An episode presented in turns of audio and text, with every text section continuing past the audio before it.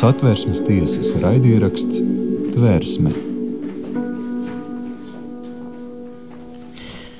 Labdien, cienījamie klausītāji!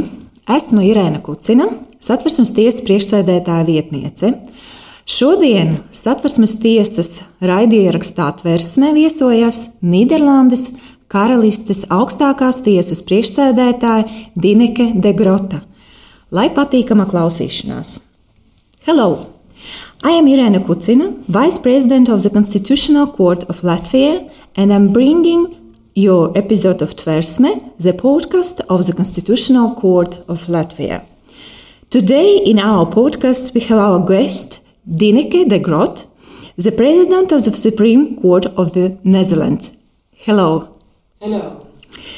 In 2020, Judge de Groot was appointed President of the Supreme Court, although she became a judge of the court under the civil and tax law already in 2012. She has also pursued an academic career in the Vrije University Amsterdam. Besides, she holds an art degree from Vienna University. I have invited Judge de Groot for the podcast, interviewed especially because the Netherlands is an old democracy and the Supreme Court seems to embrace perfectly the changing present. Judge de Groot, your country follows a somewhat original path when dealing with constitutional review. My question is about Dutch constitutional tradition. According to the Constitution of the Kingdom of the Netherlands, the constitutionality of acts of parliament and treaties shall not be reviewed by the courts. How the legality of the acts of legislature is ensured in your country? In the Netherlands, the constitutionality of acts of parliament and treaties shall indeed not be reviewed by the courts. That's on the basis of Article 120 of the Dutch Constitution. In the Netherlands, the legislative, executive, and judicial branch each have their own task with regard to the assessment of the constitutionality of legislation, both acts of parliament and other legal rules. And they have their own abilities to assess legislation. Originally, the Dutch legal system has been arranged to ensure that no uncertainty should arise with regard to the validity of formally enacted legislation by government and parliament. In principle, it is therefore up to government and parliament to ensure the legality of acts of the legislator. These institutions have several instruments to fulfill this task. For instance, the advisory division of the Dutch Council of State provides government and parliament with independent advice on legislation and governance. One of the aspects reviewed by the advisory division is whether a proposed bill is compatible with higher law, such as the Constitution, treaties, and EU law and whether it is in accordance with the principles of democracy and the rule of law. Nevertheless, judges in the Netherlands have several possibilities to assess whether legislation in the context of a particular case is in accordance with fundamental rights as enshrined in European Union law and international treaties. Okay, thank you. Um, now I would like to discuss value based judgments. So, what is the role of uh, universally shared values such as human dignity, tolerance, etc., in the decision of the court. Yes, in the Netherlands, every judge in every case and in almost every instance may make use of the law of the European Union uh, on the basis of the doctrines of direct effect and supremacy of EU law, sometimes in connection with the ability to request a preliminary ruling from the Court of Justice of the European Union, and the provisions of international treaties that may, to their content, be considered generally binding after they have been published. And this is on the basis of Article 93 of the Dutch Constitution. National law is not to be applied in a particular case by the judge if such law is not compatible with these generally binding provisions of an international treaty, and that is on the basis of Article 94 of the Dutch Constitution. Thus, the Dutch Constitution prescribes that national law must be interpreted in light of the international human rights treaties and agreements entered into by the Netherlands. and therefore universally shared values as codified in, for instance, EU law, in human rights treaties, are directly applicable by Dutch judges and may be invoked by litigants before the court. An example of this is Article 2 of the Treaty on the European Union, which reads that the Union is founded on the values of respect for human dignity, freedom, democracy, equality, the rule of law, and respect for human rights, including the rights of persons belonging to minorities. And another example is all of the human rights within the European Convention on Human Rights. Thank you, Madam President. So, my next question will be connected with the international law. It is the Dutch attitude towards international law which probably explains why there is no necessity for a formal constitutional review. In Latvian legal system, on the contrary, so far we tend to draw a clear line between national and international origin of the legal rule. This is why it becomes interesting to understand the originality of the Dutch system. The Netherlands is known for its openness to international law. Not only your country is home to a large number of international legal organizations such as the International Criminal Court, but also in your legal system where a Dutch legal norm is contrary with the international obligation of the Netherlands, the courts may not disapply this provision of national law unless the relevant provision of international law has a direct effect. What explains the very open attitude towards international law in your legal system? The Dutch legal system indeed has an open attitude towards European and international law, and it is, of course, not within my expertise as a judge uh, to give reasons, to know the reasons for this very open attitude. But when just thinking about uh, this open attitude, one could say maybe one factor that may have caused this openness is the fact that both Dutch society and the Dutch economy are historically quite open and internationally oriented. Uh, uh, the Netherlands at the at the sea, the Netherlands for going for trade, going outside uh, for centuries. So that might be some kind of an explanation. Another explanation might be provided by the work of Grotius, a great Dutch legal scholar who lived in the 16th and 17th century. Apart from a scholar, Grotius was also a politician and a diplomat. The developments in the Netherlands in the early 17th century, such as the trading activities of the Dutch East India Company, were of major were a major influence on Grotius' work. Grotius was building a legal system with an eye for the needs of the people and the spirit of the so-called Dutch Golden Age. He, for instance, designed a system of maritime law in Mare Liberum, when the Dutch East India Company started sailing to the former Dutch colonies, when new conflicts with other nations arose on the waters. In this work, he formulated a new principle that the sea was international territory and all nations were free to use it for seafaring trade. A lot of these ideas are still relevant in our time, uh, as they relate to questions on jurisdiction, for instance, over the seas and uh, piracy issues. But that doesn't mean that the Netherlands uh, still is um, uh, living as if we are in the 16th or 17th century, because, for instance, today we also reflect on the other side of these uh, traditions. Because, of course, what Grotius developed for the law of the sea is not always um, what is very helpful for the people and the land. So today, I, I could not, I could not really, it's not within my expertise to give explanations for the, for the current uh, open attitude towards uh, international law, except that, of course, we are all now member states of the European Union. And that was a decision of our uh, countries.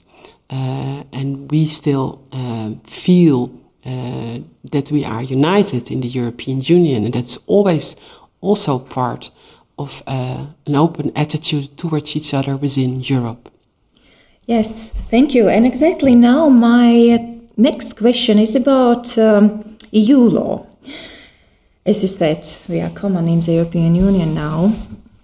It seems that there is a growing consensus that the EU law may be applied effectively and in the same manner only if the national courts are willing to participate in the cooperation mechanism, so called preliminary ruling procedure. And Dutch experience has found in member states thereof is um, very important. Let me ask you about Dutch attitude towards the EU law. Van Gend en Loos is a case every legal student in Latvia must confront at st- some stage of studies. Not so long ago, the Court of Justice of the European Union even held a conference dedicated to this judgment. However, there wouldn't have been Van Gend and Loos judgment without the referring court.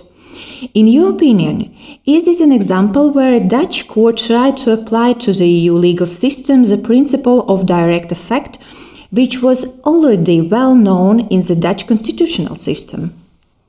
Yeah, Van Gend en Loos is also a case every legal study student in the Netherlands um, must learn at some stage of their studies.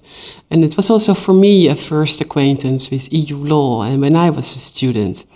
And one could say when, when, when we reflect at, at the state of the law at that time, uh, the state of the Dutch law and of the EU law, well, one could say that the Tariefcommissie, which was the competent court, was applying the articles in the Dutch constitution, currently articles 93 and 94 of the Dutch constitution. Then they were Articles 65 and 66 of the Constitution. These articles, shortly put, prescribe that national law must be interpreted in light of the international treaties and agreements entered into by the Netherlands. The Constitution states that provisions of international treaties that may to their content be considered general, generally binding after they have been published, uh, and that national law is not to be applied if such law is not compatible with these generally binding provisions of an international treaty. And in academic literature, it is argued that the Tariefcommissie referred the matter to the predecessor of the Court of Justice of the European Union to find out whether the applicable European Union law should be interpreted as such a generally binding provision, and as a consequence had direct effect.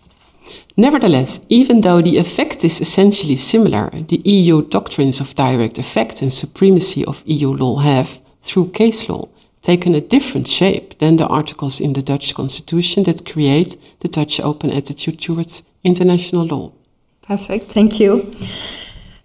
Let's speak now less about the law as such and more about how do you work on your daily basis. I am interested in your working methods and what are your cooperation projects. Are the Dutch courts open to digital solutions and approach such as electronic application, remote proceedings, etc.? At the Dutch Supreme Court, digital proceedings are available in almost all cases handled by the three chambers of the Supreme Court the civil, the criminal, and the tax chamber. Litigants can, for instance, submit documents to a digital portal they can receive messages from the court in this portal. And at the court, all case files are uploaded in a secured digital workspace, which can be accessed by judges and staff both from the court's building and remotely. In addition, a large part of the court's library collection and databases can also be accessed online. And as the Supreme Court is a court of cassation, proceedings are almost always completely written, with no hearings and very few pleadings. Uh, so the need for remote proceedings arises rarely, but if it arises, we always try to find a solution uh, to make, for instance, the pronunciation of a judgment publicly accessible also in a digital way. At the level of the Dutch courts that rule on the facts, first instance courts and appeal courts, digital proceedings and digital case files are also becoming increasingly common. Remote proceedings take place occasionally, for instance, because of reasons that relate to measures against the spread of the COVID 19 virus. If I may, I have one additional question as regards digital solution. Maybe, what is your dream? How do you see your court be mm, very modern court? Is it the end of how to say of your um, digital solutions, or you see some more steps uh, which could, could be taken in order to be more modern, in, maybe in Europe even? I, uh, I think we should always be aware that we um, that we are passersby, so we have to uh, to if we if we um, if we do our job, we always have to think that there will be a next generation who must be able to build on our work. So therefore, I, I've never the idea that uh, there is today a digital solution or, or something like that, but that we should should look in, into society, into the coming, coming, upcoming generations. What do they need? How are they educated? What are their needs?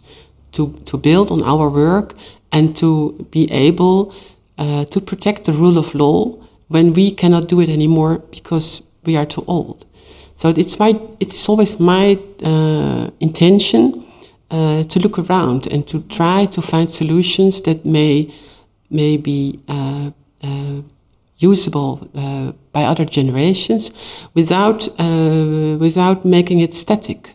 It must it must be a dynamic solution which makes it possible which makes it possible to um, to use it in another society when society changes again, but always at the background uh, for the uh, for the upholding of the rule of law, for the upholding of fundamental rights. Thank you. Yes, and now let's speak about um, your cooperation project. So before reaching a decision in a case, one might be tempted to look whether a neighboring country has a similar court, even better with a similar decision. This is why the cooperation between courts is uh, important. Which, uh, with which constitutional courts or Supreme Courts do you cooperate? Yeah, the judicial dialogue indeed is also very important for the for the Dutch Supreme Court. The Dutch Supreme Court cooperates with various European and international networks, and uh, it takes a friendly stance towards cooperation with other courts. For instance, as the president of the Dutch Supreme Court, I am currently a member of the network of the presidents of the Supreme Judicial Courts of the member states of the European Union. In addition, the Supreme Court is a member of the Conference of European Constitutional Courts. The Dutch Supreme Court is not a constitutional court like the Latvian Constitutional Court, but it does have constitutional tasks within the legal order of the Netherlands, and therefore it's also very useful to be a member of that network. And together with other courts in the Netherlands, the Dutch Supreme Court also takes part in the wider uh, Superior Courts network of the European Court of Human Rights, the Council of Europe's Venice Commission Liaison Network. So, President De Groot, you are a top lawyer and uh, an outstanding personality. Currently, do you have any time for academic research? Next to my position as the president of the Dutch Supreme Court and my judicial tasks in the civil chamber of the court, there is not much time left for academic research, but maybe sometime there will be time again. And you also hold an uh, art degree. Is there a conflict or um, complementarity between the lawyer and the artist in your personality? a Master of Arts in the Netherlands is admitted to people who have studied subjects within the scope of humanities, social science, such as history, literature, languages, linguistics, philosophy, political science. And, and next to law, I studied linguistics, uh, especially German and Spanish. And, um, for me, uh, literature is a binding factor uh, in my life to uh, to uh, to combine the law with the needs of people. because in literature, or for instance, also in opera, in music, you get stories. And law is also about stories of people's lives. So if, if you want law to have effect for people, to be effective, that they can really have something from it in their life, then for me the law is functioning as it should function for people. And it's very inspiring uh, to, um, to have also cultural influence or literature influence in your, in your thinking about uh, what makes that the law really functions for the people. So uh, the law is about the people's life. So this sounds very great and uh, actually very, very important in our uh, decision making process to realize and, and understand this one. Thank you so much. So, dear President De Groot, thank you so much for your interesting um, discussion. The last question for you what do you want to wish for our society, for, for our court, uh, for our people in Latvia? I would like to say that uh, to the Latvian people that I would like that you feel the law can support your well-being and your possibilities for development and education and uh, to have a, a, happy life as possible. Thank you, President Groot.